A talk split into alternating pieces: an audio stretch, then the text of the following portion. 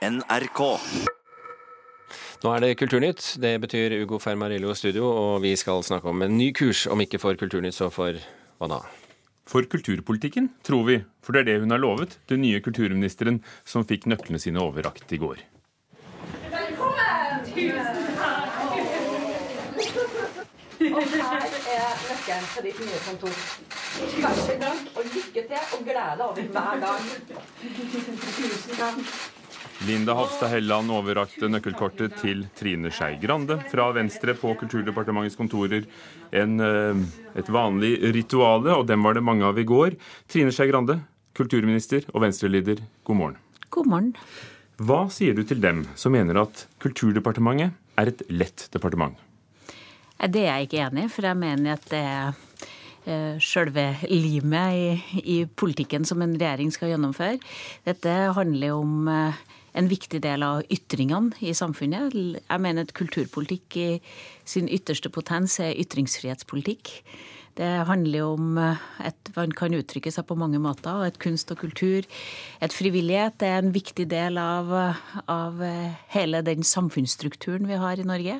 Så når vi laga en plattform som sa at vi skulle ha en inkluderingsdugnad, som sa at det er viktig å bidra til omstilling av Norge, men at vi skal også sørge for at vi bygger fellesskap som alle føler seg en del av, så er kulturpolitikken sjølve kjernen. Men det kommentatorene mener, er vel ikke at det ikke er viktig, men at det er et departement som kanskje ikke krever så mye. Som en sa det fra NRK, at men dette får du tid til å være partileder også. Ser du det også sånn? Jeg vet at vi har et yrende og sprudlende kulturliv i hele Norge, og jeg håper at jeg får reist i hele Norge. Og det er en ting som er godt kombinert med å reise i, i venstreland. Så jeg tror at jeg skal klare å få gjort de to jobbene eh, samtidig. Men eh, som partileder så valgte ikke jeg først og fremst et tungt departement. Som partileder så var jeg førstevelger, og jeg fikk valgt et departement som jeg kjenner at jeg brenner for, som jeg er opptatt av, som jeg tror at jeg kan gjøre en god jobb i. Du har også vært kulturbyråd i eh, Oslo. Hvorfor mener du at kulturpolitikken til den regjeringen du har vært med å støtte, trenger en ny kurs? Nei, Det som alle sammen ser, det er at når de har lagt fram budsjetter, så har vi f.eks. plussa på en halv milliard, som vi gjorde i, i, årets budsjettbehandling på Stortinget. Så det, det, har vært et stort glippe mellom det som har vært Venstre på, på Stortinget, og det som har vært den blå-blå regjeringa. Nå skal vi prøve å få det, slå våre pjalter sammen. Eh, og da blir det jo et, et skifte. Og vi ser jo at vi, det er mye bra i plattformen på kulturpolitikk. Eh, og jeg tror jo at eh, engasjementet vårt og, og hvor opptatt vi er av hele kulturfeltet, kommer til å få en litt annen vinkel enn det vi har sett tidligere. Handler det om penger? For Kulturdepartementet er vel et sted hvor det går an å gjøre store forskjeller med små midler? Ja, det går an å gjøre store forskjeller med små midler, men da må du ha også en forståelse av hvordan du stimulerer til, til, til kulturvekst og kulturproduksjon og opplevelser og alt det. Og jeg tror at det trenger noen sånne skifter. Jeg gleder meg til å ta fatt på å gå inn i systemene fra en statsrådsvinkel, og ikke bare fra, fra, Stortinget eller eh, fra en by. Men fra din vinkel, hvor du har sittet nå og påvirket budsjettene som du akkurat uh, skrøt av i, i de siste fire årene, hvilke steder er det du vil påvirke da? Nei, jeg tror jo at Det som gjør det gøy å være kulturminister nå, er at det er mange store utviklinger som man kan være med å påvirke. Det ene er mediepolitikken der det skjer store skifter, eh, der eh, hele måten å jobbe journalistikk på er i ferd med å endres. Eh, hvordan skal vi bruke de offentlige midlene som vi bruker for å ha et bredt, godt ordskifte til å få til en god mediepolitikk som gjør at vi har gode journalistiske miljø? Og la oss stoppe litt ved den. For ja. der har jo da dere i regjeringsplattformen foreslått noe ganske radikalt. For det er enighet allerede om å legge en, om NRK-lisensen. For det er ikke sånn lenger at bildene strømmer ut av en boks i, i hjørnet av stuen. Men men dere foreslår uh, å lage en samlet lisens som går til flere enn NRK, er det ikke sånn? Ja, jeg hadde Dette må vi sette oss ned og utrede. Men jeg mener jo at hvis vi hadde klart å fått NRK-lisensen, det det koster å ha en allmennkringkaster i TV 2, der vi også hadde hatt muligheten til å legge annen type mediestøtte, og lage en finansiering som gjør at dette ikke var så politisk styrt som i som det er i dag. Nå holder vi på å krige om pressestøtte hvert år i budsjettet, og en krone her og en krone der. Det er stor diskusjon skal lisensen sånn eller sånn. Og så ser vi at den er helt teknologisk utdatert, den er sosialt urettferdig, og den mister støtte i folket. Vi bør ha en mediestøtte som folk betaler med stor glede. Både for det tilbudet de får, men også fordi det er en sånn viktig del av demokratiet vårt å ha det offentlige ordskiftet og kvalitetsmessig gode redaksjoner som jobber. Men du får en lang politisk prosess der. Arbeiderpartiet ved Anette Trettebergstuen var ute i går og sa at dette var en tåpelig idé. Ja, Grovt sagt, altså.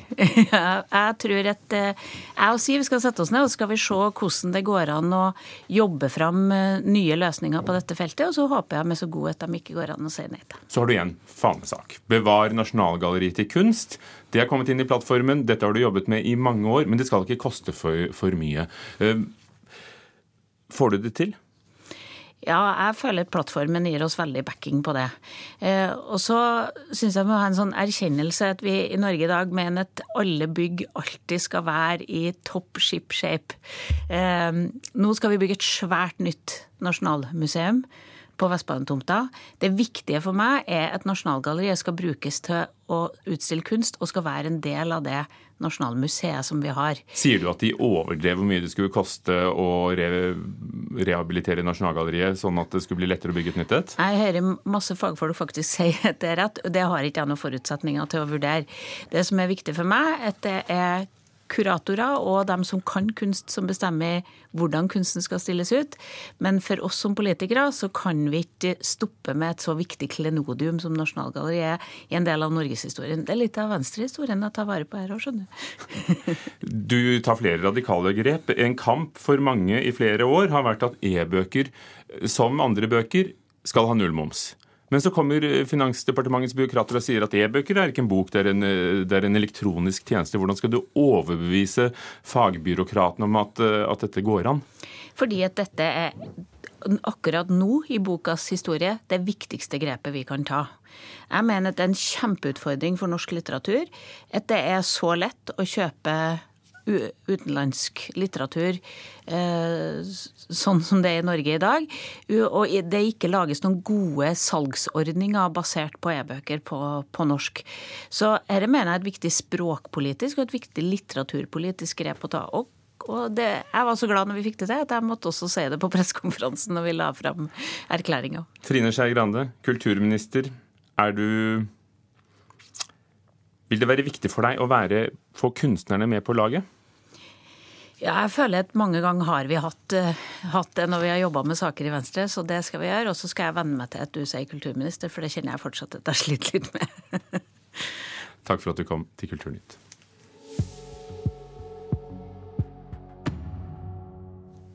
Komiker Rune Andersen har laget en forestilling der han forteller fra sitt eget liv, og det handler bl.a. om en voldelig far. Og det var sånn deilig lukt i leiligheten. Sånn julelukt. Noe som er så deilig som julelukt. Men det var ei lukt til. Øl. Jeg vet ikke hva det var som var galt, men plutselig var alt bare kaos. Det var, det var brøling. Han skulle ta oss. Det var slag. Mamma gikk imellom og tok dem. Lykke liten er tittelen på forestillingen hans. Premieren var på Kilden i Kristiansand i går kveld. Og, og bare så det er sagt, alt var ikke trist. Norge var Gerhardsenland, og kongen var Olav. Kjære landsmenn, nordmenn ute og hjemme. Da er født en liten gutt i Kristiansand.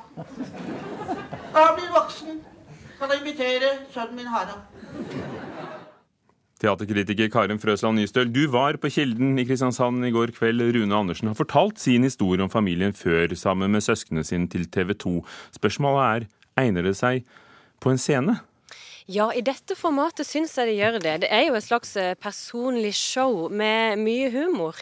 Eh, og så er det samtidig som vi hørte dette mørke bakteppet. Det ligger som et lag bomull under det hele, under hans oppvekst.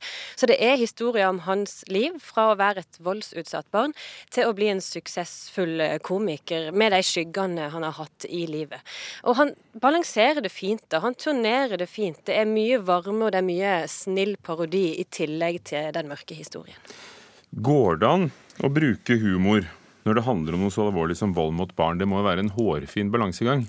Ja, det er det. Eh, og Rune Andersen klarer det fordi han har eh, den erfaringa med vold som han har. Så dette er først og fremst, tenker jeg, et Rune Andersen-show. Så er det folkelig. Det er veldig gjenkjennelig og, og smart fortalt. Han trykker, på, han trykker på lure knapper, for å si det sånn. Han forteller mye om oppveksten på 60- og 70-tallet. Han forteller om blokka han vokste opp i, om butikken på hjørnet, om godteri i snipppose og om Erik Bye på TV-en på lørdag kveld. Um, og så jeg merker at folk kjenner seg igjen, humrer med og ler. Og han vet jo sjøl han ikke er alene om å ha en, en, oppvekst med vold i familien. Og det han vil med dette showet, er å vise at det faktisk kan gå bra.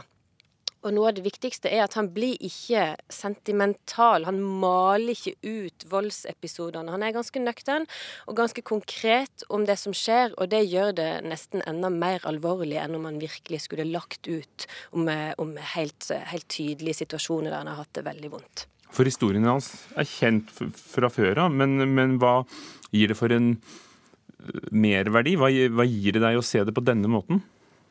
Ja, Det viser meg jo at det kan gå bra. Og det han sjøl vil, det er å si at uansett er det aldri barnet sin feil. At det alltid finnes håp, og at man må gjøre valg. Og den, det viktige i denne forestillinga for meg, det er egentlig den unnlatelsen som han og hans familie har blitt møtt med gjennom hele oppveksten. Det var aldri noen som sa ifra. Folk visste nok, men de gjorde aldri noe. Aldri. Og det, det, den takknemligheten han har overfor de som viste han godhet i oppveksten, den er veldig tydelig i forestillinga. Og kanskje kunne han hatt en større brodd mot den der unnlatelsessynda som fremdeles er like stor, tror jeg, i Norge i dag. Det at man lar være å gjøre noe når man burde. Kanskje kunne han ha, ha vært krassere mot det, og ikke bare vise sin store takknemlighet overfor de som har vært gode mot han. For det er alvorlig at ingen griper inn. Lykke liten heter altså forestillingen til Rune Andersen. Så, så, du syns da at han klarer å kombinere dette alvorlige budskapet med, med noe ganske morsomt? Ja, jeg syns han balanserer det fint. Eh, det blir litt mye Rune Andersen sitt liv og levnete av og til. Eh, ikke alltid han klarer å relatere alle historiene til den røde tråden som handler om oppveksten hans. Eksempel har han en veldig lang passasje om å dra til sjøs, der han egentlig ikke klarer å lenke det på eh, hvorfor han forteller det. så er det òg mye parodi på kjente norske politikere som vi ler godt av, men kanskje kunne det vært større plass til alvoret og litt mindre parodi i denne forestillinga. Men sånn alt i alt så er det veldig helhjerta gjort, med varme og humor, og det er gjenkjennelig. Takk, Karin Frøsland Nistøy.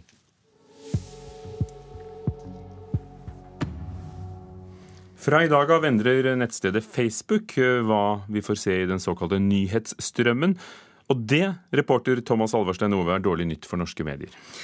Ja, Facebook har eh, gjort det klart at du skal få se flere innlegg fra venner og familie, og færre innlegg fra selskaper og offisielle sider. Dette inkluderer da altså nyheter fra tradisjonelle medier som oss her i NRK, VG eller Aftenposten. Og Dermed blir det vanskeligere for disse å spre nyheter gjennom eh, det sosiale nettstedet, der 3,5 millioner nordmenn har konto. Og hva gjør disse mediene, som har vært så opptatt av å komme gjennom på nettstedet nå? Flere tenker nok hardt på det nå. Dagens Næringsliv skriver i dag at Stavanger Aftenblad har opprettet en egen gruppe på Facebook der de håper å kunne skape engasjement rundt sakene sine. Der kan de fortsatt eh, både sende ut nyhetssaker og også få leserne til å diskutere dem. Mens f.eks. Adresseavisen i Trondheim velger å sitte på gjerdet for å se litt hva som skjer. Vi skal til eh, Libanon. Eh, mandag fortalte vi at den siste filmen til regissør Steven Spielberg, 'The Post', ikke ville bli vist i landet, men nå har altså regjeringen grepet inn. Hva har skjedd? Filmen ble først vedtatt sensurert av Filmkommisjonen, for Libanon har en aktiv Israels-boikott. Og Spielberg havnet inn i denne boikotten både fordi han har laget filmen 'Schindlers liste' om nazistenes jødeutryddelse, og fordi regissøren skal ha gitt økonomisk bidrag til Israel da landet var i krig med Hizbollah i Sør-Libanon i 2006. Nå omgjør eh, innenriksministeren vedtaket og sier at når filmen eh, handler om USAs rolle i Vietnamkrigen, og faktisk ikke har noe som helst med Israel å gjøre, så kan den bli vist likevel. For Libanon er jo et sted med, med ytringsfrihet? Det er kjent som et sted med ytringsfrihet, men uh, i fjor ble likevel to filmer med israelsk kontakt, holdt jeg på å si, sensurert, og allerede i år er én film da boikottet.